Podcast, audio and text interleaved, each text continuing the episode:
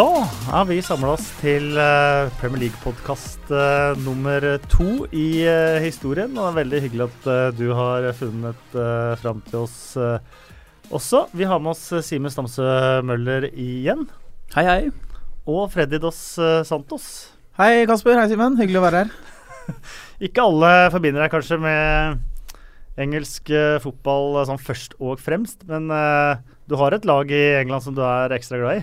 Ja, det, det har jeg. Eh, jeg har vært eh, noen forbinder meg med italiensk fotball, og det er jo riktig det. Jeg holder med Juventus, men jeg holder med, også med Liverpool. Og en av de få som klarte å se Heiseltragediekampen 1985 og bli fan av begge lag.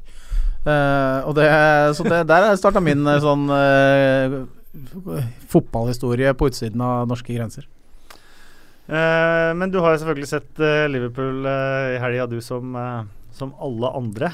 Ja, det har jeg. Eh, og det er et lag som eh, forarger og gleder samtidig. Eh, som du har vært i veldig lang tid, egentlig. Gjør jo de fineste ting. Eh, samtidig som eh, man blir jo man blir litt gal av å, av å, se hvor enkle mål du slipper inn. Altså eh, Ja, ikke sant. Når man tror man først skal få en så pangstart mot slutten av matchen her, så kommer det selvfølgelig en sånn på slutten.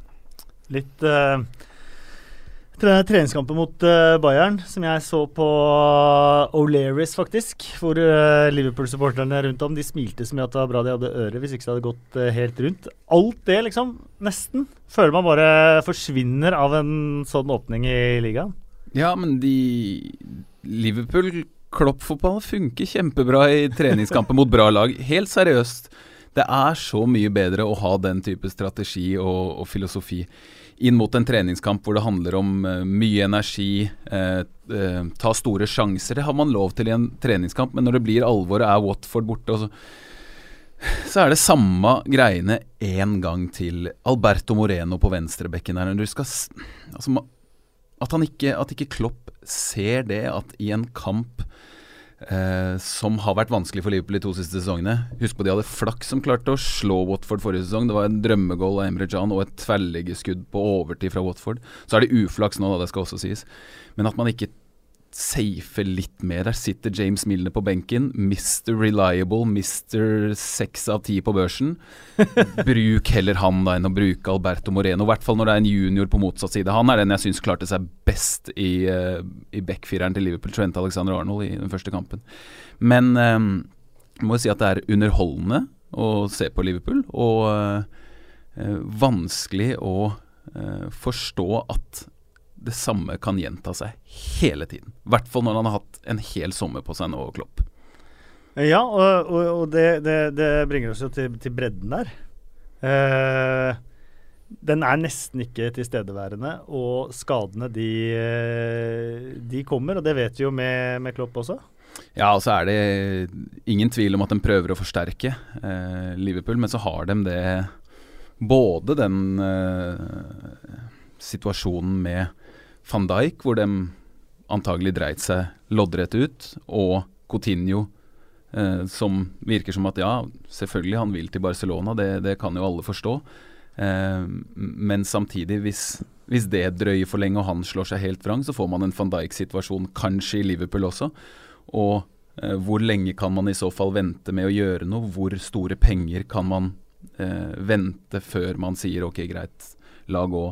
Eh, jeg tror jo det at Liverpool er mye, mye mer avhengig av Coutinho enn det han hadde styrka Barcelona. Men allikevel, han vil jo dit. Uh, de, de, trenger å få han på banen så fort som mulig.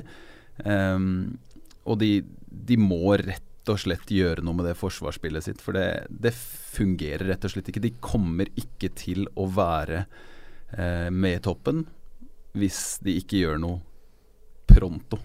Men det er, det er harde ord. Altså at det ikke er med toppen. Det er ganske overbevist at det kommer til å. Da mener jeg topp tre, da. Ja, der, da, da, kanskje det blir litt vrient. Vrient. Men, eh, men, jeg er helt enig. Altså Liverpool trenger Coutinho, men det er jo ikke utgangspunktet offensivt. Eh, hvis man har alle andre på banen samtidig, av alle de andre gode offensive spillerne, så kan man klare seg uten Coutinho, Coutinho selv om man kanskje er den aller fremste av dem. Men de kommer til å være skada. Mané spiller ikke 38 kamper i sesongen. Det gjør kanskje heller ikke Sala, ikke Firmino osv. Du kan nevne en del av de. Det er Lallana som er ute en periode nå.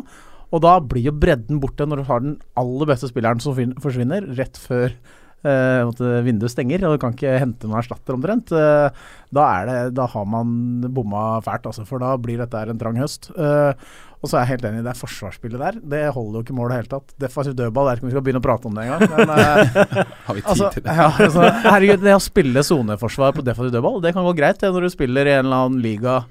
Ja, det, det, det, jeg leste jo Brede Hangelands eh, syn på dette, her, og det er jo greit å spille soneforsvar, men jeg mener da er det når cornerne blir slått inn med den presisjonen som har blitt i første runden i, i, eh, i Premier League denne, eh, dette året her. Når det blir slått inn med så stor kraft, så har den som står i sone Den har kanskje tre kvadratmeter, fire kvadratmeter skal dekke sonen sin, men har ikke sjans til å rekke å dekke alle delene av den sonen. Når det blir slått med så mye presisjon og kraft, da rekker du ikke til ytterste delen av din egen sone. Det gjør at når det kommer en angrepsspiller inn, så kan den vinne ballen i en deler av sonen hvor du ikke klarer å rekke fram. Da er det sånn det er, Du er prisgitt at det blir slått litt dårlig i corneret hvis du spiller eh, soneforsvar på, på defensiv dødball.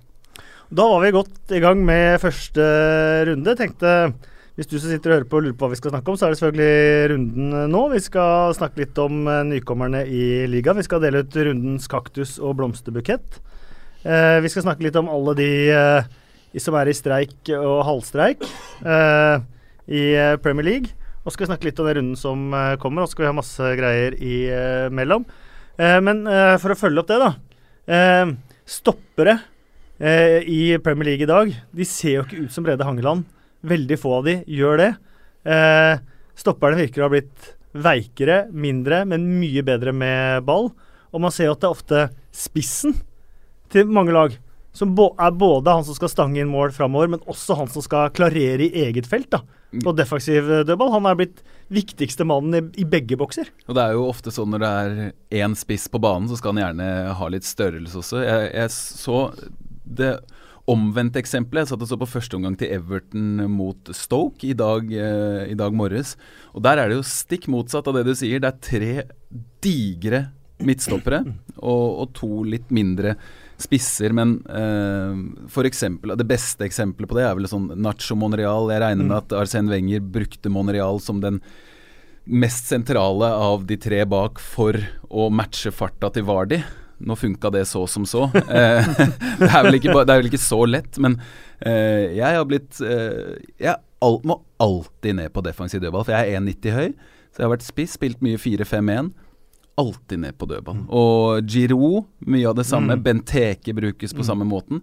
Men det er jo en måte å gjøre det på. Og eh, Liverpool brukte jo spissen sin i den sonen der Watford scora. Det var bare uheldig at eh, han ikke er så svær, Roberto Firmino. Så ja, Hadde det vært Benteke, så kanskje det hadde gått Men jeg skjønner jo tanken når du har uh, f.eks. Lukaku, så kan han stå på første stolpen der, og han stanger ut den, eh, den kula i aller fleste tilfeller. Zlatan også, han eh, gjorde det i fjor. Og det er, det er også en annen tanke at da får midtstopperne, som faktisk er de beste til å markere de kan ofte ta ut Mm. Mannen da slipper å bli brukt i den sonen. For da, da, er det, da kan du bruke eh, dine beste hodespillere på å ta ut motstanderens beste.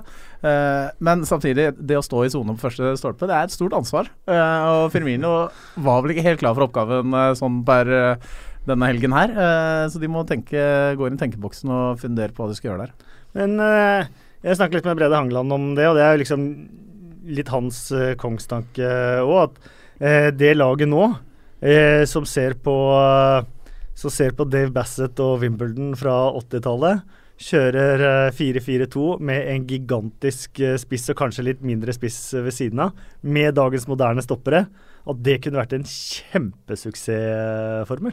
Ja, det kan godt være det. At, eh, at det er eh, den gamle klassiske 4-4-2-tanken man har sett i alle år, som eh, kommer til å komme tilbake. Det, vært, det er jo trender i alle, alle disse formasjonene. og Kanskje da, det er det som eh, faktisk uh, Er det Burnley som tar det i år, altså?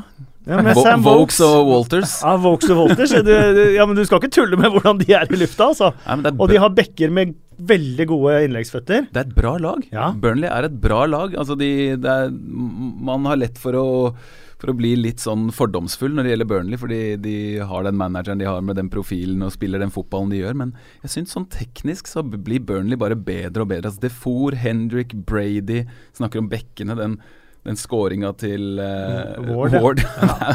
Men, ja, og innlegget til Lauten. Han har jo assist der. Så, ja, det, Lauten har alltid et litt undervurdert uh, innleggsfot, han. Ja, nei, det var, det var, jeg må innrømme at jeg syntes det var gøy å se, mm, hvor vågale de var. Selv om de var jo én mann mer, så de spilte, spilte bra. Men runden da, det har eh, Manchester United og Manchester City og Spurs som imponerer, av de topp seks. Og så har du Liverpool som er Liverpool. Og så har du Arsenal som er Arsenal. Arsenal som er Arsenal. Ja, det og er bare Chelsea så som var dit, gikk, egentlig bånn i bøtta. Ja, det var ikke lett å se. Jeg hadde forventet den. Eh, Jeg forventer ikke at lille Chelsea får samme måte, uttellinga som vi hadde i fjor, men eh, Ja, selvfølgelig uheldig med en tidlig utvisning, men det, det, så, det så litt ut som de bomma litt både i lagtak og han eh, Hva heter han? Bats... eh, Batshuayi. Ja, Batshuayi, jeg klarer å si det navnet engang. Han, han klarte ikke å skape samme presence foran der, så klarte ikke å holde ballen der oppe, være den trusselen som det, som det Costa er, som man kanskje kunne forvente heller. Så de må få spilt inn Morata i den rollen raskt, og det gjorde jo, virka det som det klarte i andre omgang der, men eh, ja. Men fins det Bare se de likhetene da mellom den der serieåpninga mot uh, Swansea og den serieåpninga nå, for to år siden, etter å ha vunnet uh, ligaen. Og så er det nesten et lag i oppløsning og en manager som er så ekstremt pressa allerede fra første stund. Eh, pinlig hjemmeresultat. Eh, Mourinho han saksøkte eh, fysio eh, Eva Carneiro og han eh, andre. Og mens nå er det Diego Costa, og ligger i Og det er, virker som det er konflikter all over the place. Hva er det som skjer med, med, med Chelsea? Er det, er det Conte kanskje som har tatt litt lett på det i sommer? Jeg tror ikke han har tatt lett på det i det hele tatt, men jeg tror det har eh, å, å- gjøre med hva han eh, Hva han antagelig, nå vet man jo ikke, hva han har blitt uh, forespeila. Hvordan, hvordan skulle det se ut? Han hadde jo ikke sett for seg at Bakayoko skulle komme inn som en ren erstatter for Matic, og i hvert fall ikke at Matic skulle gå til en, en direkte konkurrent. Eh, det er én ting, Um, men- så syns jeg også at at jeg, jeg må si at det var Det er Murphys law i den kampen her. Altså. Der går alt som kan gå galt, galt for dem. Jeg syns sånn spiller for spiller så er det ikke så råtne som Og, og de målene Burnley skårer De skåra med ni mann nå, det ser jeg imponerende. da. Ja, og Morata var fantastisk da han kom innpå. Men jeg, jeg vil ikke legge for mye i den kampen. Og det som skjer rundt laget, blir bare spekulasjoner. Ja. Så det er, det er eh, umulig å, syns jeg, liksom konkludere Ja, akkurat nå. Men, men- jeg er veldig veldig spent da på hva som kommer. Eh, for de har jo vist tidligere under Conte at også, at- Sånn som han gjorde i fjor, da han tok to eh, gråe spillere og gjorde dem til noen av de beste i Mm. Europa i fjor i sine posisjoner, Alonso og Moses. Det, det, det vitner om en fyr som har peiling på hvordan man skal løse kinkige situasjoner. Da. Fordi vi satt jo og var utrolig skeptiske til Chelsea etter den 3-0-kampen mot Mm. Arsenal. Nesten så vi liksom bare Nei, dette, dette går dessverre Vi gikk ikke. ikke der i dag. Nei, det går, ikke sant. Så, eh, jeg, jeg, for meg så er det altfor tidlig å, å avskrive Chelsea. Altså, jeg syns det er så mange gode spillere der, og Azar Bakayoko skal inn der. eh. Vi får se med Costa. Morata var kjempegod. Men det er likevel sånn her at at det er et eller annet som ikke stemmer der, det, for meg så virker det helt åpenbart. Og at det er kanskje to også eh, filosofier som krasjer der, da. Eh, med ledelsen. Roman Abramovic har hele tiden ønska å få inn alle disse her unge spillerne. For å groome en egen Chelsea-spiller. Han er på juniorkampene. Eh, Chelsea har hatt eh, et av de beste juniorlagene nå gjennom mange, mange år, men alle blir lånt ut. Eh, og spekulasjonen er da om eh, Chelsea og hva, er det hun heter, hun høyrearmen til Marina Marina, ja, vil ha inn de unge spillerne. Eh, Eller i hvert fall et par av de. Mens Conte han vil kjøpe stjerner med lite videresalgsverdi, men som kan garantere at man er med i toppen. Er- Og så har Conte liksom- Conte ja. sendt unna alle disse her unge bare for å slippe det problemet. Samtidig så har han ikke fått de spillerne han ønska, da. Det problemet med det er at en eh, trener eh, Han har ikke mulighet til å tenke langsiktig. Eh, Da må han i hvert fall ha fått ganske store garantier fra Chelsea. Nei, da må han ha fått store garantier fra, fra Bramovic og ledelsen for øvrig om at du sitter trygt uansett, og da har vi ikke noe eh, press på oss om at vi må levere i år. Og det tror jeg ikke de har eh, gitt eh, han tillatelse til, da, som å havne på en lavere plassering i år fordi man skal vente på at en spiller skal som vokse inn i rollen. Altså Chelsea forventer, eller Chelsea-fansen forventer at man skal være helt i toppen og kjempe med City og United og de andre store favorittene om ligagullet. Og da, da trenger du en og annen stjerne. Men Eh, storklubber i Europa klarer det jo. Eh, til og med de aller største klarer å hente opp egne spillere. England vant U19-EM, vant U20-VM, eh, kom til finalen i U17-EM og eh, semifinale i U21-EM. Mye basert på Chelsea-spillere i alle fire troppene. Og man ser jo storklubber i Spania, Real Madrid, Tyskland, Frankrike. Alle klarer å være i toppen og få fram de spillerne. Det er jo bare England man ikke tar den sjansen. Man, vet, man kan nesten ikke vite hvordan det hadde gått. Nei, det kan man ikke. Det kan godt hende at de hadde vokst seg inn. De må jo eventuelt få Ja. plass, men det kan også være at han føler at det skal ta dette året i en annen utleieklubb, da, før man får den rollen eh, Vi har jo i sin egen. hatt 25 utleiespillere hvert år nå. Ja, Det er problemet til Chelsea. Det er deres filosofi. De Ingen kommer, ingen stort, siden John eh, Terry har de klart å få inn på laget. Nei, da har du bedre statistikk enn meg, eh, mest sannsynlig. Men uh, de har jo vært eh, kjent for å være en klubb som henter spillere Ja.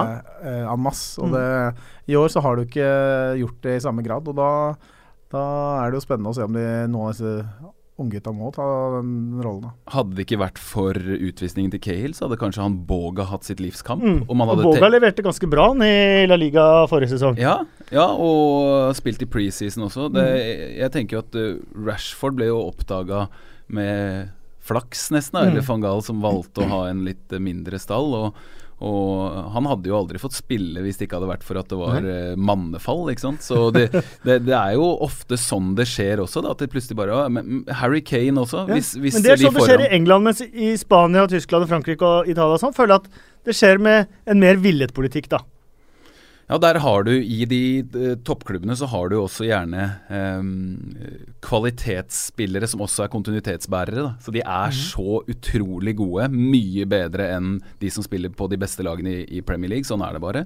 Og, og da kan man tillate seg å gi disse unge spillerne Ascencio, Lucas, Ja, Vasquez? Se hvor gode de er. Ja. Ja, men jeg, jeg tror jo også det at hvis det hadde vært såpass rått talent, da, så hadde de fått noen minutter. For dette her er Kimmich eh, det er, Man kan nevne ja, Kimmich mange er Kimmich, jeg, De to første er jeg enig i. Kimmich føler jeg er helt oppi den derre eh, gryta hvor du har en del av de her engelske spillerne som aldri får sjansen. Ja, det er godt mulig, det. Altså. det, det og jeg, jeg vet jo at du ser mye mer championship, eksempel, og sånn, enn det jeg gjør. Og der er det helt sikkert uh, Men der også, jeg, hva var det? Det var elleve spillere, tror jeg, i hele championship-runden som har fått spilletid, som hadde U21-alder som var engelske. mm. Ikke engang der får de muligheten, okay. liksom. Nei, men Det er jo, det er jo besynderlig. da. Det syns Ja. jeg er veldig rart, faktisk. For der, Det ligger i da har du ikke noe, da har du ikke noe matcharena, noe ordentlig matcharena. Nei, det er, vel, det er vel litt sånn som det Fred er inne på. Altså, det har jo Og, og etter, etter hvert så når det, når det er så mye penger, det fins ikke tålmodighet. Eh, jeg tenker at en av de viktigste årsakene til at det var så kaotisk i den serieåpninga her, er at det er så mye nytt. Mm. Det er så lite som er satt, eh, og så mye eh, brudd som kommer av at spillere ikke kjenner hverandre. Mangel på relasjoner. Nesten i alle kampene så ble jeg sånn jeg, jeg, jeg, har, jeg har lyst til å bli skikkelig begeistra for hvor gode valg den enkelte tar, løser opp situasjoner. Jeg så det glimtvis, men altfor sjeldent. Altså jeg, jeg tror det har en del å gjøre med det at det var så kaotisk i åpningsrunden. At det kommer til å normalisere seg litt etter hvert. Muligens. Eh, men det er litt sånn engelsk fotball har vært de siste årene, syns jeg. Det er underholdende, men det er en grunn til at det ikke lykkes så godt i Europa. Altså. Eh, og når vi snakker første runde, runde også, så uh, Det er én mann vi må prate om. Det er Wayne Rooney. Ja. Helt det, det, det kunne ikke vært skrevet i Boeing engang, uh, det comebacket der. Altså Hadde du lagd en film eller skrevet noe, så hadde det bare vært sånn klisjé. Og det, det er jo Det var skrevet i stjernene, altså. Det var, eh, det var fantastisk når han, måten han jubler på også Mm. etter der, eh, etter målet sitt. Du hører jo ropet! Ja. Ja. for det, en eller annen mikrofon kommer i nærheten der. Helt fantastisk. Ja, det var eh, Det var helt rått. Og det Jeg må si, etter å ha fått så mye kritikk som han har gjort de siste åra, så selv som Liverpool-fan så unner jeg jo mm. Wayne Rooney akkurat det. Han har vært en så stor stjerne, og så har pila kontinuerlig pekt litt nedover de siste to sesongene. Ja. Og han har fått så mye tyn uh, av egne fans og andre og alt. Og ja, det der syns jeg var eh, vel fortjent. Det som imponerte meg mest, var eh, så som heatmap. Han har vært absolutt over hele banen i hele matchen. Over hele banen. Og han styrte butikken. Eh, det var ikke bare skåringa. Han spilte fram, han vant ball, eh, han fordelte baller. Og jeg har jo vært en av de som har sagt at dette kommer aldri til å gå. Dette er en eh, litt meningsløs eh, signering, annet enn selvfølgelig positiviteten og signaleffekten og alt det de får rundt. Men jeg har trodd, eh, og tror faktisk fortsatt at Rooney kommer til å bli mer et problem enn en tilvekst. Eh, og at beina kanskje ikke henger med til å, til å være en stjerne på et lag som skal ta igjen topp seks-lagene. da. Eh, og så har jo vi snakka om det så vidt også, og, Simen, at det er ikke synd at han får en god start, og så dabler litt da etter, etter hvert. Han skal spille ja, rundt 40 kamper da, eh, denne sesongen. Men, eh, men snakk om liksom å Og, og nå, nå, nå har han fylt det glasset med veldig mye goodwill eh, til å bruke i hvert fall de neste ukene. da. Og hvis man skal ehm, Hvis man vil finne svar og liksom få konkludert etter én serierunde, så var det der altså alt Everton-fans Ja, vil ha. Han absolutt. var så god. Touch, innsats, posisjonering. Uh, han, Sandro fikk lov til å gjøre sin Ja, ja. Rooney la seg ikke så mye bort i det.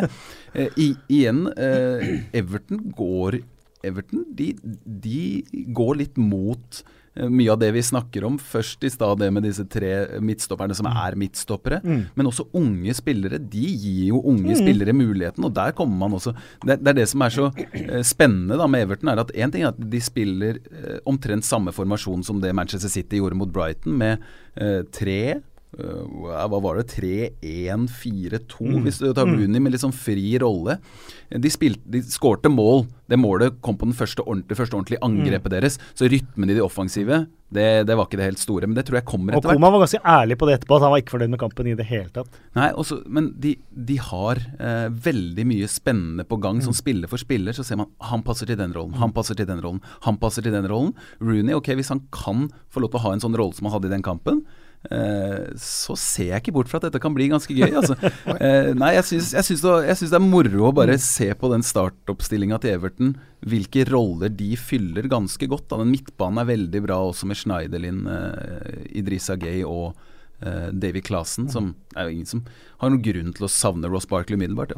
Men det er jo også en, et ledd der oppe her også som, jeg, som, jeg, som gjør at jeg har troa på Rooney, og det er at han har kanskje for eh, første gang eh, på veldig lang tid liksom, Selvfølgelig det er press for han i Everton, men samtidig så sitter alle vi sånn og tenker at alt han kan gjøre, alt han kan bidra med, er egentlig på plussiden.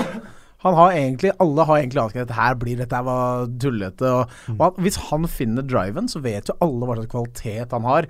Hvis han er i form. Og jeg tror ikke hver, ingen Everton-supportere forventer at han skal løpe og dekke alle de røde feltene du snakker om i 38 seriekamper i år. Det er, ikke, det er ikke der, men han kan være den som setter standarden i enkeltkamper som han gjorde nå, og som kan bidra på treningsfeltet. Snakke hvis unge gutta hadde øh, med all den rutinen sin, så jeg tror han blir en kjempesignering jeg, for Everton.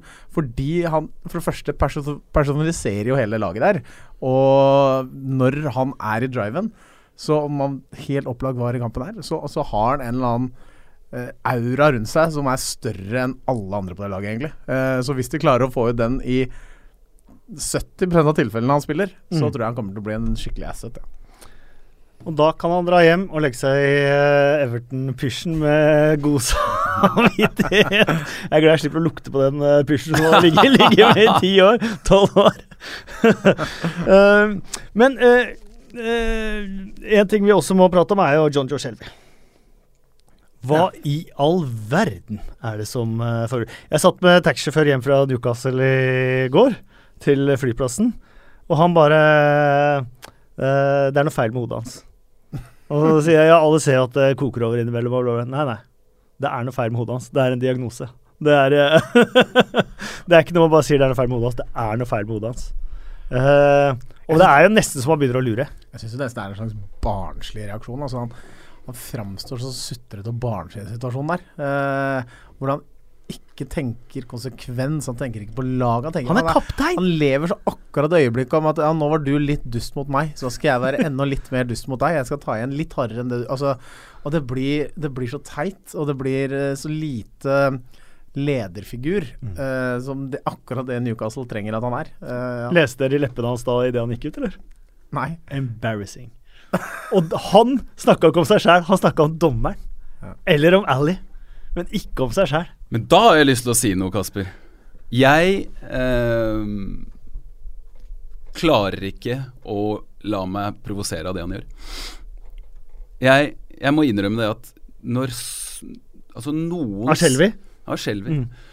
For noen spillere spiller på impulser. Jeg tror at han ikke hadde vært i nærheten av å være den spilleren han var for eh, Newcastle i Championship. Den spilleren han var til tider i starten av denne kampen her også. Hvis det ikke hadde vært for at det bodde en jævel i han. Og sånn syns jeg det er med ganske mange spillere. Jeg hadde blitt fly forbanna på han lille Deli Alli når han ser opp med det fjeset og sparker bort ballen. Jeg må innrømme, jeg, jeg har selv eh, eh, Jeg kunne ikke ha vært kaptein for noen av de lagene jeg har spilt for. Av, tror jeg, at jeg har Jeg er for humørspiller, da. Um, impulskontrollen min eh, er dårlig i, eh, i store deler. Uh, men det er Veldig selvinnsikt. Nei, nei, men, men, men hør nå, det er, derf, det er derfor jeg Jeg forstår så godt at det tipper over, og jeg syns det er så mange store fotballspillere som har dette her både geni og tulling. Diego Costa, diagnose. Luis Suárez, diagnose. Det mener jeg helt seriøst. Det er et eller annet gærent oppi huet på dem. Eh, det, men, men er, eh, Sergio Ramos, diagnose for søren, vil jo ha røde kort.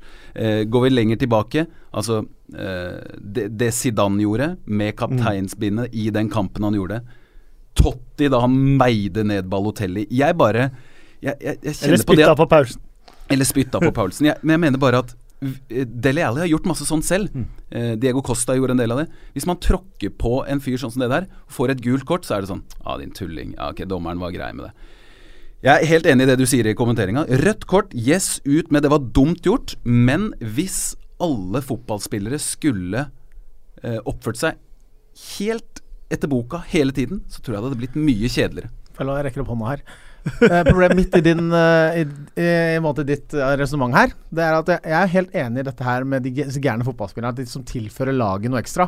Hvis du, hvis du nevner alle de navnene du ramser opp, og så ender du med John Joe Shelby, så vil jeg si at Newcastle har ikke råd til å ha en sånn gærning som er John Joe Shelby.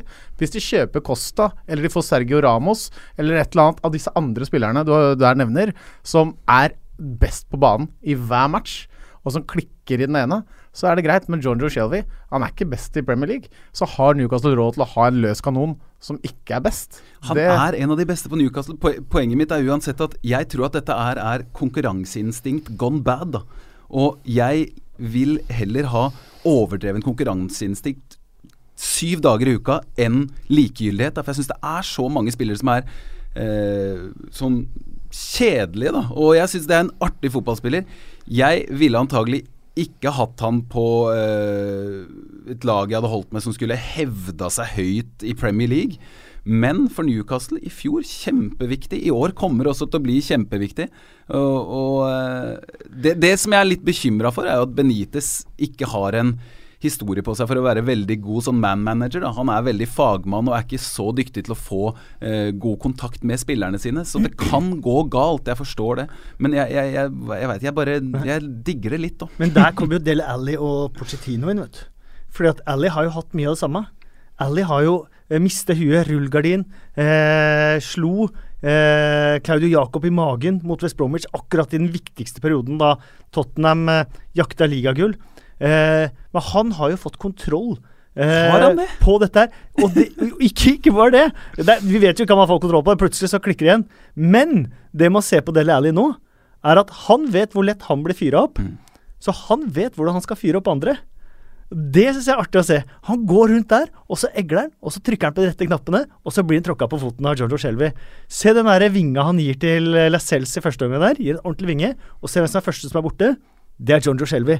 Og jeg lurer faktisk på om det blei sagt noe fra Ally til John Joe Shelby som har gått helt inn i hjernebarken til Shelby etterpå. Ja, og da kan, man, da kan man ikke sitte og liksom tenke Idiot. Ja, veldig bra gjort der, men idiot der. Altså, det, det, Hvis du det, det, er- er sammensatt. Nei, men hvis, hvis Pochettino nå har fått kontroll på Del Alli og lært han å kanalisere det, til at fett, motstanderne til Del Alli mister hodet i stedet for at Alli sjøl det, det, det, det er jo så nære genialitet som han får det. Ja, men ak- det, det er- jo mange som er flinke med Diego Costa òg. Arsenal-spilleren er dårlig med Diego Costa, fordi de blir med på leken hans. Men de som er flinke med Diego Costa, er de som bare ikke bryr seg, og, til, og går i fighten og bare handshake etterpå, for sånn spiller er han. Men hvis man tar seg for nær av alle disse tjuvtriksa og sånn, så har han det i lomma. Men øh, jeg tror også det er litt sånn med Deli Alli at folk ikke, hvis folk ikke hadde brydd seg om han, til slutt så hadde han ikke helt visst og, og, og så kanskje hadde det gått galt til slutt, da. Eh, men eh, jeg, jeg må innrømme at det er eh, Jeg, jeg syns folk litt for kjapt eh, blir gæren på fotballspillere som helt åpenbart gjør noe i øyeblikket som de aldri hadde tenkt på å gjøre hvis de hadde blitt satt i den situasjonen en gang til. Jeg er helt enig. Og måten uh, Shelby har blitt behandla på etter det her òg, med alle gamle fotballprofiler som har kalt det embarrassing og stupid det ene med andre Alle aviser hadde tre sider John Joe Shelby dagen etter. Det er et uh, press som er vanskelig å sette seg inn i. Men uh, vi må også prate litt om disse Manchester-lagene. Uh, vi har vel alle vært enige i 100-timerssendinga og alt at dette fort kan bli et oppgjør mellom de to Manchester-lagene denne sesongen. Ja, Basert på den første, den første kampen her òg, så, så er det ikke umulig at dere i denne sendingen, disse sendingene dere hadde, har helt rett der. Altså, for det var imponerende. Eh, altså United var jo så gode at det var eh, altså selv Hvis jeg kan ta bort klubbtilhørigheten min eh, på en måte et lite øyeblikk, så må jeg jo si at United var skremmende bra i den matchen. Eh, og de møtte selvfølgelig et lag i en helt annen kaliber enn det de møtte i Real Madrid for en liten stund siden. Men det der var dominerende fra start til ende, med en så stor pondus i laget som jeg ikke har sett på United på jeg føler flere år. Hvor det- alle sammen sto fram med bare brystkassa en halv meter ut og hjertet som dunka som pakker. Og det var eh, Ja, for en United-supporter så må det ha vært en helt fantastisk måte å starte sesongen på. Fordi det Jeg tror, jeg tror du snakka om at man smiler rundt huet. Jeg tror de gjør det ennå, så de kommer ikke til å slutte før, eh, før de får seg en kilevink snart. Eh, og så hadde vi masse nye, nye spillere. Og så uh, da kom vi inne på det som vi var så inne på så vidt uh, tidligere i dag, også med å gi unge sjansen. Everton har vært flinke til det, som du sa. De andre som også har vært flinke til det, er jo Tottenham. Ny mann på høyrebekk. Vi blir kvitt Kyle Walker for 50 millioner pund, og så setter de på Kyle Walker Peters. og, han, og han Cameron Carter Wickers han fikk jo eh, fire cupkamper forrige sesong og gjorde det veldig bra der. Eh, Walker Peters har aldri vært på A-laget. Rett inn debut, ligaåpning borte mot Newcastle, og bare voff! Han hadde, han hadde aldri fått spille hvis, eh, hvis vært hvis, hvis Kyle Walker hadde, hadde trivdes og kost seg og vært en som uh, fyller på istedenfor uh, tapper, som han virka som at han gjorde en periode i, i Tottenham, og Trippier hadde vært skadefri. Hadde ikke Kyle Walker Peter fått spille den kampen. I stedet så sitter man etterpå og, eh, og snakker om, og det skrives i engelske aviser om at dette her kan være en uh, framtidig storspiller. Han, var, han, gjorde, han gjorde veldig bra. Jeg syns eh, ok defensivt, sånn egentlig som back eh, det vet Han den ene om. ene vanvittige taklinga der, da. Ja, den var, oh. men, den, men, men ja, den, den har han ganske god kontroll på. Ja, jeg, jeg, jeg er enig i det. Men, men ellers så var det liksom sånn i, i posisjoneringa Han var litt usikker Mm. til tider. da Sånn at Det burde jo egentlig starte med at han var dønn sikker i det defensive, og så kommer det offensive. Men dette er jo en veld, veldig morsom spiller offensivt òg, og det er jo digg for, eh, for Pochettino å se at han har Og det er ikke tilfeldig, garantert. De har jo trent på det. Er Interessant å observere at de andre spillerne, spesielt de som lå litt bak, Dyer og Aldevrelt, de snakka i 90 minutter til Walker Peters. Pekte opp der, ned der, og var helt tida rundt og dirigere. Så han hadde pappaer utpå der som passa på hvor han skulle være. Det er det som gjør at han lykkes òg. Altså, ikke ta bort noe cred fra han eh, som egen spillemåte, men at han var inne i et lag hvor han har disse lederfigurene rundt seg, gjør at han faktisk framsto som ganske Du sa han har litt usikker posisjoneringer noen, ting- noen ganger. Det skulle bare mangle når du skal plutselig inn i i Premier League og spille i det tempoet der. Men jeg syns jo han løste det så godt. Uh, og all, jeg skal gi også masse av den æren til eh, både til treneren som gir ham tilliten, men også til de rundt han som gjorde han trygg. For det, i den settingen der på uh, St. James' Park, hvor det er altså lurveleven, så kan du få litt høye skuldre. Og han eh, klarte seg veldig kul, bra, og det var kult å se. Og så eh, eh, DJ-en på The Hawthorns han spiller jo veldig mye Fateless. Det er Fateless eh, opp og Fateless i mente. Men han har såpass eh, mye eh, tilstedeværelse at uh, idet dommeren blåste av fløyta, så gikk jaggu meg 'Walk like an Egyptian'. Etter debuten til Hegazi. Var det første, første gang to fra Egypt skåret i en og samme serierunde? Var det noe sånt? Eller jeg leste en Ja, det kan ha vært at Sa Salah og Hegasi Hegazi Saki Hva het det? han? Han skåra ni på en halvsesong i Wiggen, og så hadde du Mido, og så hadde du Amer Saki. Ja, Saki. Ja, han hadde ingen hørt om verken før eller siden. Kanskje det kan bli tre en gang i år? Det skal mye til. da El Neni også. El Neni har vi der, ja. ja. Uh, men Hegazi kunne jeg veldig lite om. Eh, Tony Pools hadde vært i Afrikamesterskapet og sett to gode stoppere der og tenkte Hegazi passer best. Så gøy. Uh, ja, men det Men eh, jeg må ærlig innrømme at eh, jeg ikke, den kampen har jeg ikke sett. Jeg har sett høydepunkter. Ja. Og selvfølgelig Der er vi tre i samme båt, tror jeg. ja. Ja, ja, jeg fikk sett litt mer, for vi har de skjermene på Ja, klokka fire der. sant. Så da blir det gjerne blikket sugd litt mot der det skjer noe. Men eh, der var det veldig mye dødballer, og de skaper jo så mye på dødballer òg, West Bromwich. Herregud, for et dødballag det der er. Altså, og eh, de slår dem godt inn. Og de, altså, at, at det ikke blir to og tre der, er helt utrolig. Og det er bare pga. dødballer. Nei, det er fascinerende. Det er, Jay Rodriguez så eh, ganske sharp ut. jeg var nære på at han satte den i krysset der med en gang. òg. han er en god spiller. Mm. Og så en jeg syns eh, som jeg heller ikke kunne spesielt eh, mye om, og det er ikke så rart, for han spilte bare to kamper fra start fra Dortmund forrige sesong, men som jeg syns så ut som spiller de kvarter 20 minuttene han fikk, Mikkel Merino. Mm. Virkelig. Kom inn på midtbanen der, og et lag som så helt statisk ut med ti mann. Pass and move, pass and move, pass and move. Vente spillet. Høyre, venstre. Tok imot ballen, ville ha ballen. Fordelte ballen. Han tror jeg kan bli en liten eh, luring denne sesongen her. Overrasker meg fryktelig. Tenk hvis uh, Rafael Benitez hadde fått litt bedre ja, midler å, å jobbe med. Nå, jeg, jeg leste en sånn, en sånn oversikt over eh, kommersielle inntekter til klubbene i Premier League, hvor United bare siden 2007, da, siste ti åra, City rett til værs, Arsenal rett til værs, de andre topplagene også ganske rett opp. Newcastle har gått tilbake på kommersielle inntekter. Og det er visst, så vidt jeg forstår, mye pga. Sports Direct. Da. Så de eh, som Altså Sports Direct er jo eh, sportsbutikken som eh, Mike Ashley eier. Og det virker som at han har brukt klubben for nesten bare Sports Direct, da, og, og promotere det. Og, og nå eh, sier han at jeg skal bruke hver eneste penny i klubben på nye spillere til eh, Benitez. Han eh, Hva var det han gjorde for noe, Benitez? Han, han avlyste en eller annen sånn bryllupsjubileum eh, med kona. Dro ned for å ikke hente noe svære spill. Han skulle overbevise Tammy Abraham om at, eh, om at han skulle komme til, til Newcastle på lån fra Chelsea. Og han ville hente Willy Caballero. Men de hadde ikke nok til å lønne dem. Nei. Det er jo helt utrolig. Helt utrolig. Så hvis, hvis Benitez får Og så får han to skader i forsvaret, så får han John Joe Shelby Jeg må si jeg Det- føler det så mer Rafa Benitez. Det må vi snakke om, for vi hadde jo foredrag uh, med en fyr eh, som hadde vært i medisinske apparatet til Stoke og Liverpool og Tottenham og, og flere klubber.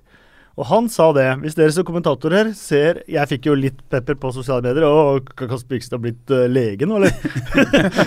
jeg brukte jo det han Han brukte litt den kunnskapen vi lærte av han, da. Men han sa er det hamstringskade i første omgang i noen kamp dere kommenterer, så kan du si med 100 sikkerhet at det medisinske apparatet ikke har gjort jobben sin, eller at det medisinske apparatet og det sportslige managementapparatet at de ikke prater godt nok sammen. Og eh, du har jo spilt også. Eh, to, jeg opplevde jo begge de to første kampene. Først Issy Brown, og så han eh, Paul Dummett. Ja, det er eh, det, dette med hamstringsskader, da. Det er jo en av eh, Altså en av de verste skadene man kan få som fotballspiller. Selvfølgelig hvis ikke tar bort sånn kne og eh, brudd og sånn, men det er fordi at du, du sitter der etterpå og vet ikke helt når du kan starte eh, på'n igjen. Og så kan man snakke med en spiller selv og si 'ja, jeg føler det ålreit'. Men, eh, og, men der skal du ha en ekspertise i, i, i medisinske apparatet som sier at 'nei, vet du hva, sånn som du reagerer akkurat nå på treninga i dag og på de manipulasjonene jeg gjør på deg, så er ikke du klar før neste helg'.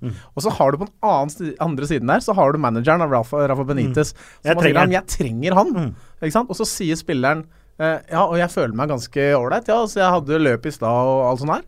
Og da sitter du der som, eh, som medisinsk ansvarlig, da, og må ta den avgjørelsen. Uh, og, og kanskje du ikke får lov å ta avgjørelsen engang fordi at dette er overkjøres av Benitez, men hvis du må ha en, en, pondus da i, som medisinsk ansvarlig Mm. for å ta den avgjørelsen. Hvis det er det du tror på, Mm. så må treneren stole på at den medisinske ansvarlige som faktisk er der for å gjøre akkurat den jobben, vet at han ikke kan spille. Mm. Selv om spilleren er positiv og ønsker det så mye som helst. Alle vil jo spille den serieåpninga. Ja. Ikke? Hjemme mot uh, Tottenham i serieåpning. Selvfølgelig vil du spille! Det er ikke noe, det er ikke noe å snakke om engang. Og da må du kanskje ha noen som har litt mer peiling enn deg selv da, inni ditt eget hode, som tar den avgjørelsen for deg. Ja, og det skjedde jo da. Eh, og han sa jo det, han også som vi hadde foredrag med, at det skal ikke skje. Hamstring-skade første gang, glem det. Det skal ikke skje. Eh, men eh, nå har vi vært gjennom eh, nykommere og, og runden og Vi har ikke vært gjennom Huddersfield. Vi har ikke vært gjennom uh, Huddersfield. Du skal få lov til å prate litt om Huddersfield. Liten om Huddersfield, bare. Det var moro å se den energien de kom med. jeg hadde Huddersfield på altså. 15.-plass på mitt tabelltips. Ja, ja det, det lover godt. det ligger på andre nå. Nei, men det var, det var bare uh, Crystal Palace spilte den fotballen, eller prøver å spille den fotballen, uh, trille mye kortpasningsspill. Og Huddersfield, med den energien de hadde den første halvtimen der, de pressa og de tvinga fram brudd på brudd på brudd på brudd. Og han Moy, som var i Manchester City, nummer ti på Huddersfield, det blir en morsom spiller å følge med på etter hvert. For han hadde ikke bare masse gjenvinninger, han var også den som skapte ting. Eh, Monier, spissen, diger, trygg med ballen, rolig, gode valg, var med i presset. Eh, det Skåra ett mål færre enn Mbappé i den franske ligaen forrige sesong. Nettopp, for Montpellier. Og Nei, det var sånn det, det sverma rundt dem. Det var liksom så eh, var, Vi får jo se da hvor langt dette her går, men bare den energien eh, Igjen det med at at det er, det, er, det er jo David Wagner var forloveren til eh, Jørgen Klopp i bryllupet hans, og de er veldig gode kompiser. sånn. Det er veldig mye å kjenne igjen fra den første Premier League-kampen til eh, Klopp mot Tottenham, hvor det bare så det var sånn sverme rundt omkring. Og hvis Crystal Palace hadde hatt bedre spillere, så hadde de antagelig klart å spille av det presset. Så det er, jeg er utrolig spent på å se Huddersfield mot de gode lagene. Om de tør det høye, sverme huggepresset, så kan det bli så åpent, eller det kan bli veldig veldig overraskende resultater. Og en liten fun fact om Aaron Moy. Eh, Manchester City kjøpte jo Melbourne FC for 10 millioner pund. Henta da Melbourne FCs Aaron Moy eh, gratis, i og med at jeg eide begge klubbene, og solgte han for 10 millioner pund til Huddersfield. da var den finansiert! Null i bøkene. Men Palace også. Eh, fra Neil Warnock og Tony Pulis og Sam Alarise til Å, Frank de Boer, vi skal spille fotball! Det kan Det vil overraske meg om det går bra, for å si det sånn. Ja, men Tror du det går gærent i den lengden at de finner at det ikke kan funke? Eller har Crystal Palace, som vi snakka om i stad, har de tid til å tenke litt langsiktig? Da må de ned i championship uh, Ja, på du tror veien, det, de vil dra, du dra den så langt? Jeg, At er, jeg, tror, jeg tror jeg, Med de spillere, og med det som de har trent på de siste åra, og måten de har spilt fotball på, tror jeg nesten det er umulig. ja, det er det er, det er harde ord av deg, men uh, altså det er jo Lykkes det, så lykkes det, og da er jo det helt supert, men uh, Ja, de ble straffa voldsomt nå, da. Og håpentligvis er noen nede på uh, hvor, er, hvor i London er det til? igjen? Sellers Park? Gamle Sør, Sør, ja, sør, ja. Der som stikker fingeren i jorda og skjønner at uh, ok, hvis vi skal spille på denne måten, så må vi kanskje ikke være så naive. uh, som det vi var i denne kampen. Uh, for det er jo en ting å spille uh, attraktiv uh, possession-fotball kontra det å være naiv. Det, det er mange som spiller god possession-fotball uten naivitet i det hele tatt. Så uh, om de har kvalitet nok til å klare den fotballen uh, med måte, kontroll og sånn, det, det er jeg litt mer usikker på. Jeg er enig med deg. der. De, de spilte ikke hårreisende risikabelt heller. Altså, de gjorde ikke det. Det var bare det at uh, uansett hvor ballen var Mm. på uh, deres banehalvdel, så var det mange Huddersfield-spillere. Og det tar tid. Uh, de skapte ganske mange store sjanser. og uh, man bruker den uh, Torstvedt-modellen, expected goals, så fortjente faktisk fortjente. Så hadde de uh, flere større sjanser, som betyr at selv om de tapte uh, Det ble 3-0. 3-0, så ble det ikke så Så, så, så burde de ha vunnet. Vi har fått noen forslag på noen faste spalter. Eh, så vi kjører i gang med vår første faste spalte. Og det er eh, rundens kaktus, blomsterbukett og ukens skjulte helt. Noen som har lyst til å dele ut en uh, kaktus? Hmm. Vi har jo diskutert Jonjo Shelby, så han står på, på, på min blokk. Eventuelt Cesc Fabregas. Ja, men den er bedre. Cesc Fabregas mye pga. åssen Det mener jeg For er der mer var de på vei Ja, men- inn i matchen jeg, igjen. jeg mener det der er mer pur idioti. Altså helt seriøst, jeg, det ser veldig veldig dumt. Jeg er John Joe Shelby. Det er mulig at eh, jeg og noen få andre som syns at det ikke er så dumt som det det antagelig er. Men det Fabregas gjør, med Det er nesten en direkte rødt kort-takling i De er på vei tilbake i kampen. De hadde, de hadde Altså, de det begynte Det var masse bra energi, og det der mener jeg helt seriøst. Det der er ikke et utløp for for mye energi. Det der er bare dumskap å gå inn med knottene på den måten. Ha god tid. Og måten han fikk de første gule kort på. Det òg. Klappe ironisk til Ja, dommeren. det blir kaktus.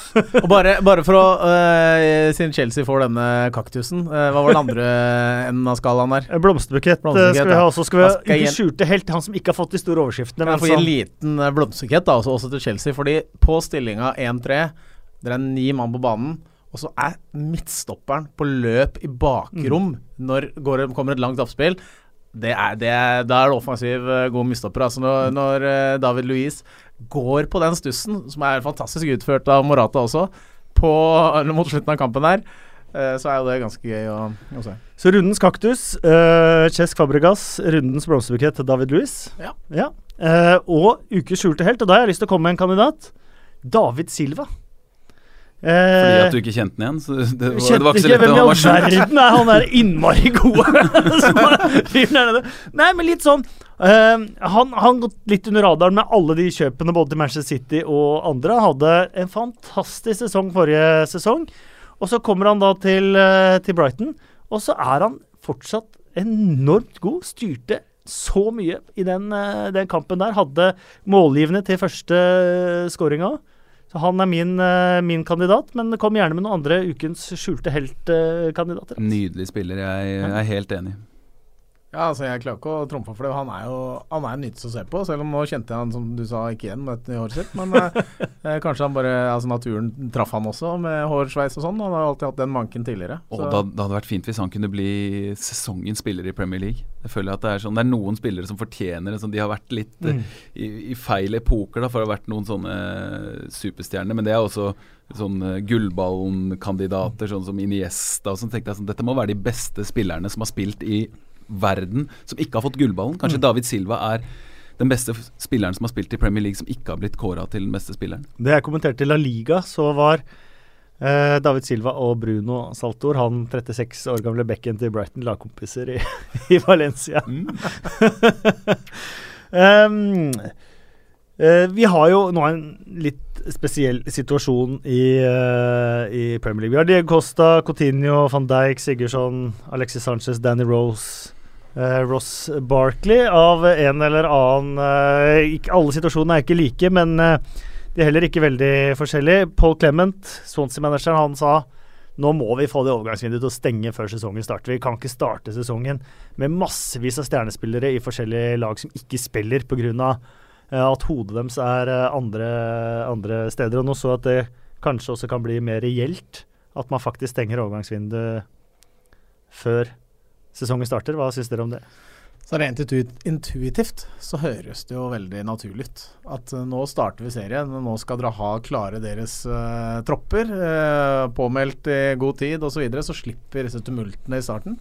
Uh, jeg, ser ikke noe, noen sånn åpenbare grunner Det må jo være likt i hele Europa. Og riktig. seriestartene er ikke like. Nei, og det er det som er, jeg skjønner er problemet, at når Italia starter to uker etter, eller Spania og så videre, så, så vil det jo bli litt problemer der. Men sånn intuitivt så sier jo magefølelsen min at det burde være sånn. Det burde være ferdig når eh, kampen starter på eh, fredag som var, da, som var åpningskampen.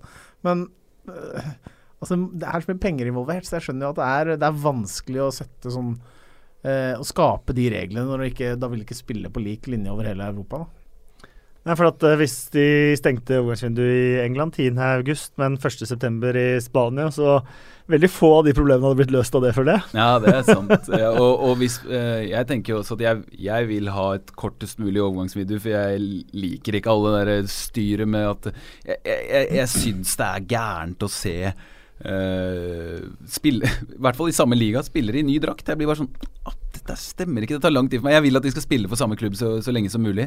Men um, hvis det blir for kort Det betyr at eh, det blir skrumpa inn. Så vil det jo antagelig bli ganske mye flere sånne lignende situasjoner mot slutten av sesongen, tenker jeg, og mer sånn tapping up-situasjoner og sånn eh, i mai da, og i april og sånt. Så jeg tror ikke man nødvendigvis løser eh, situasjoner med at spillere slår seg vrange eller blir borte eller eh, får seg sånne i hermetegn hamstring, magestrekk, ryggskader. ikke sant? Men det tror jeg vil oppstå mye mer mot slutten av sesongen. Da. Det i hvert fall tenker jeg er logisk. Da. Men jeg vil veldig gjerne at de som starter en sesong for et lag, eh, også spiller der etter tre uker. Europeisk lønnstak.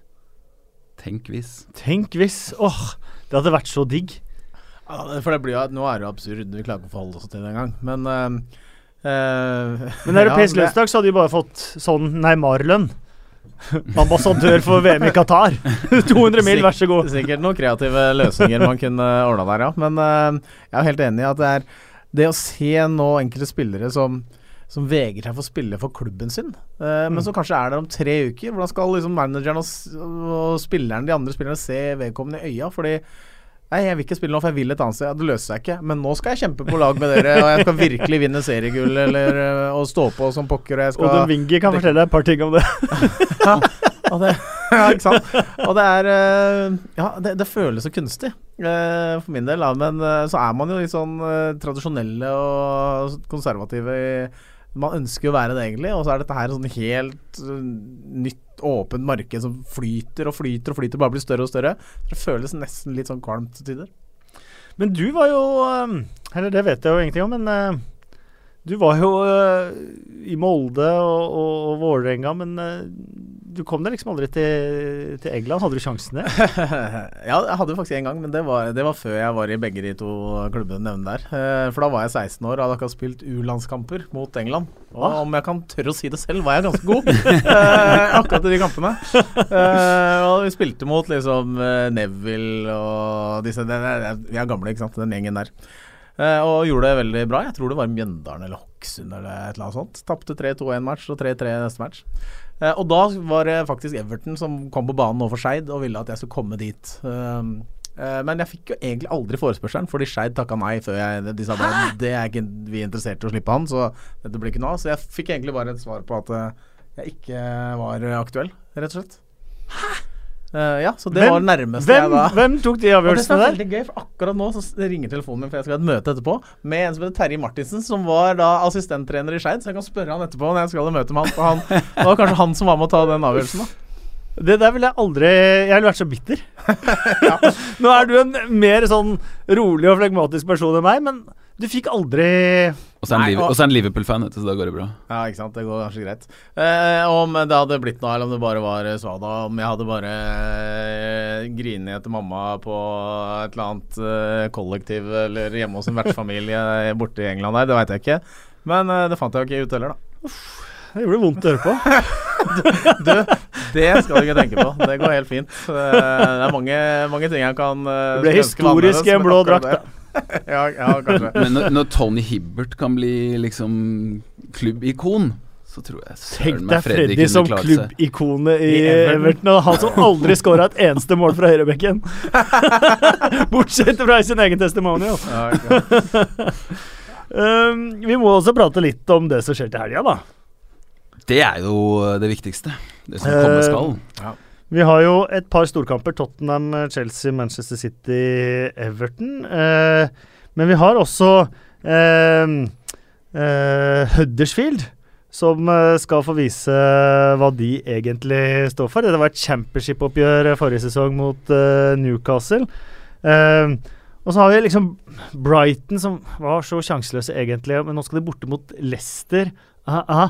Men uh, det som står ut, er jo selvfølgelig Tottenham mot Chelsea. Uh, jeg føler at dette er en sånn uh, Litt sånn nøkkelpunkt veldig tidlig i sesongen. Da. Tottenham skal den Wembley-forbannelsen leve videre, og skal de fortsatt gå rundt og gruble på om de kan få det til på Wembley? Hvis de får det til på Wembley, hva da med Chelsea? Det Engelsk presse er nådeløse, og de har holdt på med Chelsea nå et par dager, liksom. Det blir ikke noe mindre hvis Tottenham skulle kjøre over dem på, på Wembley. Det, den matchen der, altså. I, i helga så, så tenkte jeg veldig mye på at da at, at dette er veld, Det ligger veldig godt an for Tottenham. Men siden det har vært en sånn herre utrolig mye prat om at uh, alt går til helvete med Chelsea, så tenker jeg bare perfekt lege nå for Chelsea til å gi Tottenham en skikkelig på snuta, sånn som det var for Westham i fjor. Uh, da Westham tok imot Tottenham og slo dem, og egentlig uh, de kunne si takk og hei til seriemesterskapet. På samme måte nå så tenker jeg her er det Chelsea som er underdogs. Mm. Mesterne, de suverene mesterne, er underdogs. Og langt mer vant til Wembley. Ja, og, ja, ikke sant? De har spilt flere kamper på Wembley de siste månedene, de. Ja, Det, det Wembley-greiene er selvfølgelig interessant og sammensatt, for eh, det er en større bane. Og, og, jeg tenker at i og med at Tottenham har blitt et såpass mye bedre angrepslag det siste året eller to, så, så vil jo det gagne dem også, i hvert fall mot litt dårligere lag. Kanskje ikke mot Chelsea, men, eh, men uh, mot de lagene de skal være bedre enn. Så får de jo større rom å boltre seg i. Men det sa Petter Myhre òg. Og så svarte Brede Hangeland at det er helt feil. Uh, for han mener at på den lille banen til White Hart Lane så går spillet så fort, pasningsspillet går så fort, og som forsvarer, og skal prøve å forsvare deg når de har det tempoet i ballen, så blir du bare kvelt. Rett og slett kvelt helt til du slipper i mål og taper. Mens du får ikke det tempoet når du skal spille på et halvt mål større bane som de skal nå. Hva er Brede Hangelands teori? Ja, kanskje. Det føltes litt sånn med Highbury, som var veldig liten mm. før òg. Når de fikk fart på ballen eh, på Highbury med det gamle Arsenal-laget der, så gikk det jo så unna at uh, nesten kameraene ikke klarte å følge det. Mm. Men det som er altså, litt med Chelsea, er at det føles litt som uh, Igjen nå så står sånn, Konto opp mot en sånn prøve. Hva skal jeg, uh, hva skal jeg liksom uh, tenke på denne gang? I fjor så fikk ikke på smell i starten der, ikke sant. Og så endra han formasjon, og da hadde han en løsning på problemet sitt. Uh, om han st står for et al like alvorlig problem nå, veit jeg ikke. Det var litt tilfeldig med én kamp nå i starten hvor han fikk en utvist og to utvist og sånn. Men har han eller annen, et eller annet oppi ermet? For han har vært kjent for å endre formasjoner i Juventus i Italia. Uh, ikke, han har ikke hatt én løsning. I fjor så bytta han fra sin originale løsning, eller fra den løsningen han hadde, til det som kanskje var hans foretrukne. Men kanskje han kommer med et eller annet som overrasker mm. denne eh, helgen. her Han må jo spille uten Kale antagelig. Han må jo stå over nå, ikke sant? Ja, og Fabregas. Ja, Fabregas. Og, da er det Costa. Ja, og da er det Da er en del uh, usikkerhetsmomenter. Kanskje han har et eller annet S opp i ermet som ingen av oss kan sitte her og forutse, for han er en fotballklok mann. Og ikke minst er han en, en, spiller som er en trener som er utrolig kravstor til spillerne sine. Og han kommer til å si fra akkurat hva han syns om det som skjedde nå i helga. Og jeg er helt sikker på at vi ser et helt annet Chelsea-lag når, når, de kommer opp på banen. Vi må finne ut hva statistikken hans er når han har på seg joggedress. Du vet hva, det jeg tenkte på. Det er jo det er en helt annen kost òg. Fra å være øh, strigla i tøyet, kaste seg rundt i det der, øh, tekniske området sitt, til å stå i joggedress og oppføre seg annerledes òg. Han bevegde seg mye mindre, mulig fordi at det ikke gikk så bra. Han, han, var, han, var, mye, han var, mye, mer eh, I de kampene Chelsea sleit i fjor, så var han mye mindre inni det. da. Jeg syns at det var et av de store mm, eh, Et av eh, de få Uh, problemene med Chelsea forrige sesong var at de ikke makta å forandre ting underveis i kampene. Og sånn sett så Man tenker jo at når han er så ivrig, så må jo det smitte over på spillerne, og de gjør som han sier. Men Uh, til slutt så bare uh, Jeg husker mot Liverpool hjemme ganske mm. tidlig i forrige sesong. Ja. Så bare sto han der og bare mm. så utover. Westham tror jeg det var de hadde i uh, Det må vel kanskje ha vært ligacupen, det da. De ble slått ut av Westham i ligacupen. Ja. Da hadde han også joggedress mm. på, på, London Stadium der. Joggedress. Altså. Ja, få på deg dressen, uh, han, skal jo, han skal jo holde til på, altså på London vest. Uh, burde de ikke ha Der er de har fine tøy Ja, han har, var jo så fin i tøyet stort sett hele forrige sesong. Plutselig så var det Nils Arne Nils Arne-dressen på, altså. jeg husker ben Benitez tror jeg det var også en gang som hadde en sånn Etter at han hadde den derre Jeg konsentrerer meg bare om å trene laget. Så virka det som at det var sånn statement til klubbledelsen at å ja, jeg er bare treneren, jeg. jeg er ikke noe viktig, jeg. skal bare være en av gutta, liksom. Kanskje det er litt samme strategi fra Conte med joggedressen nå. At ja, nei, ok, hvis jeg, bare, hvis jeg ikke er noe viktig, så kan jeg bare ta på meg ta på meg det her, da. ja, han fikk jo spørsmål etter, etter matchen. Og jeg skjønner jo at folk syns at pressen overdriver og overtolker, og vi snakker om joggedress og det ene med det andre. Han fikk spørsmål om han sendte på Boga, da, f.eks. Uh, for å sende et signal til ledelsen om at stallen er for tynn, av å få handle. Uh, det er kanskje overtolket, men jeg syns jo det er et brukbart spørsmål òg. Uh, eh, ja, ja. Og han sa 'du kjenner meg ikke, jeg setter alltid på det beste laget'. Men ta, ta jeg, jeg, skjønner at man kan tolke det, at han satte inn på Morata på benken, mm. Boga inn fra start. Sånne ting. Er det et signal til ledelsen om at denne stallen er for tynn? At det må handles. liksom. ja, det kan godt være. Altså, da risikerer du de tre første poengene i sesongen, da, som du endte med å Ja, tape. jeg sier ikke at det er sånn. men jeg sier det er et betimelig spørsmål. Så ja, absolutt. Altså, han han har ikke vært fornøyd med et overgangsvindu, og det skjønner man jo. Eh, når han har så høye ambisjoner som han er, og føler han må virkelig forsvare noe. Og denne sesongen her så er det jo Chelsea man jager. Eh, så at han ikke er fornøyd med overgangsvinduet, ville jeg trodd. Og jeg tror da han gikk inn i eh, Som avslutta sesongen i mai og jubla, så tror jeg han så for seg at han hadde en annen stall akkurat per dags dato enn det han har nå, eh, når sesongen starta.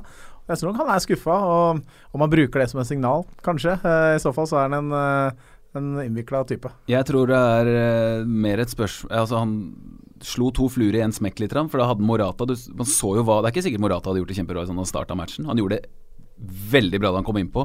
Uh, han avslutter jo faktisk kampen med en ganske god følelse. Hjemme mot Burnley så tenker jeg at man man kan ta seg råd til å sende et sånt signal.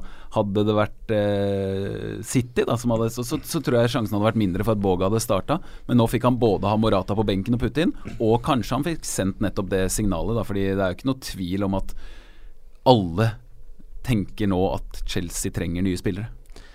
Også Abramovic, som er midt oppi en sånn skilsmisse. Ja, det er uh, She wants half. Så, så er ikke penger til nye spillere. um, uh, helt på slutten nå så skal jeg uh, si at du kan bruke hashtaggen 2plpod på Twitter og stille spørsmål. Da Henrik Steines har gjort uh, det, så da skal dere få ett navn hver. Hvilken manager får sparken først? Slaven Bilic. Uh, Dæven. Det tenkte jeg på tidligere i dag, hvem var det jeg kom fram til? Eh, jeg tror eh, Ah, jeg veit ikke. Da sier jeg Frank de Boer. Da sier jeg ja, det var det jeg kom fram til, faktisk. Ja, jeg glemte det. da er vi enige om Frank de Boer. Er. Og så skal jeg fortelle dere eh, også hvem som kanskje var mest sint på Danny Rose da han sto fram i eh, avisene med dette her intervjuet. Jeg vet ikke om dere fikk med dere den nedtellinga Tottenham hadde på Twitter til sesongen. Den her lå det så mye tanke bak, og jeg tror han Twitter-ansvarlig han var så fornøyd med egen eh, jobb, så han hadde bilde nedover eh, med stallen eh, hvor eh, spillerne pekte på draktnummeret sitt. Ja, når det var eh, seks, eh, nei, fem dager igjen, så var det Fertongen med ryggen til Fertongen, hvor Fertongen pekte på femmeren på ryggen. Og så var det fire dager igjen. Aldevereld med ryggen til pekte ned på fireren. Tre dager igjen. Da var det stille fra Twitter-kontoen. Er det sant? ja! Men- men- For da skulle Danny Rose vært der. Men tre dager igjen, da gjorde Danny Rose noe helt annet. Men, men uh, har Tripper fått nummer to, vet du det? Eh, hvis ikke har så- nummer to, ja. Ah, okay. ja. Ja. Så, men tenk deg han satt og var irritert, da. Skal jeg, ikke. Nå har jeg jeg den deilige nedtellinga her. Alt ødelagt. Men det var veldig hyggelig at uh, dere kom. Ja, det var moro. Veldig hyggelig at folk har uh, hørt på. Og så må jeg bare si det at hvis du hører på oss uh, et sted du kan f.eks. gå inn og rate oss Jeg er ikke så god på det, men i iTunes og sånn, så gjerne rate oss uh, der. og og gjerne skriv noen anmeldelser òg, og kom med innspill på Twitter. To PL-pod kan du bruke som hashtag, eller direkte til en av oss, f.eks. Uh, vi er jo der på Twitter. Og så uh, gleder vi oss til runden som kommer. Mm. Hva gleder du deg mest til? Jeg gleder meg mest til den, eh, den kampen. eh, Tottenham-Chelsea. Ja, det er, eh, jeg er så spent på, på reaksjonen til Chelsea etter, etter serieåpninga, så jeg må nesten si meg enig i det. Og så har du Liverpool Palace, da. Det er, det er noen høner som skal plukkes der. Og tre, Det det. tre sesonger Står på rad har Crystal Palace slått Liverpool på Men tenk Teke skårer, så vi må, Liverpool må i hvert fall skåre et par mål der, for det Benteke kommer garantert til å skåre. Da ser vi hvordan det går, og så høres vi igjen etter runden med en ny Premier League-podkast.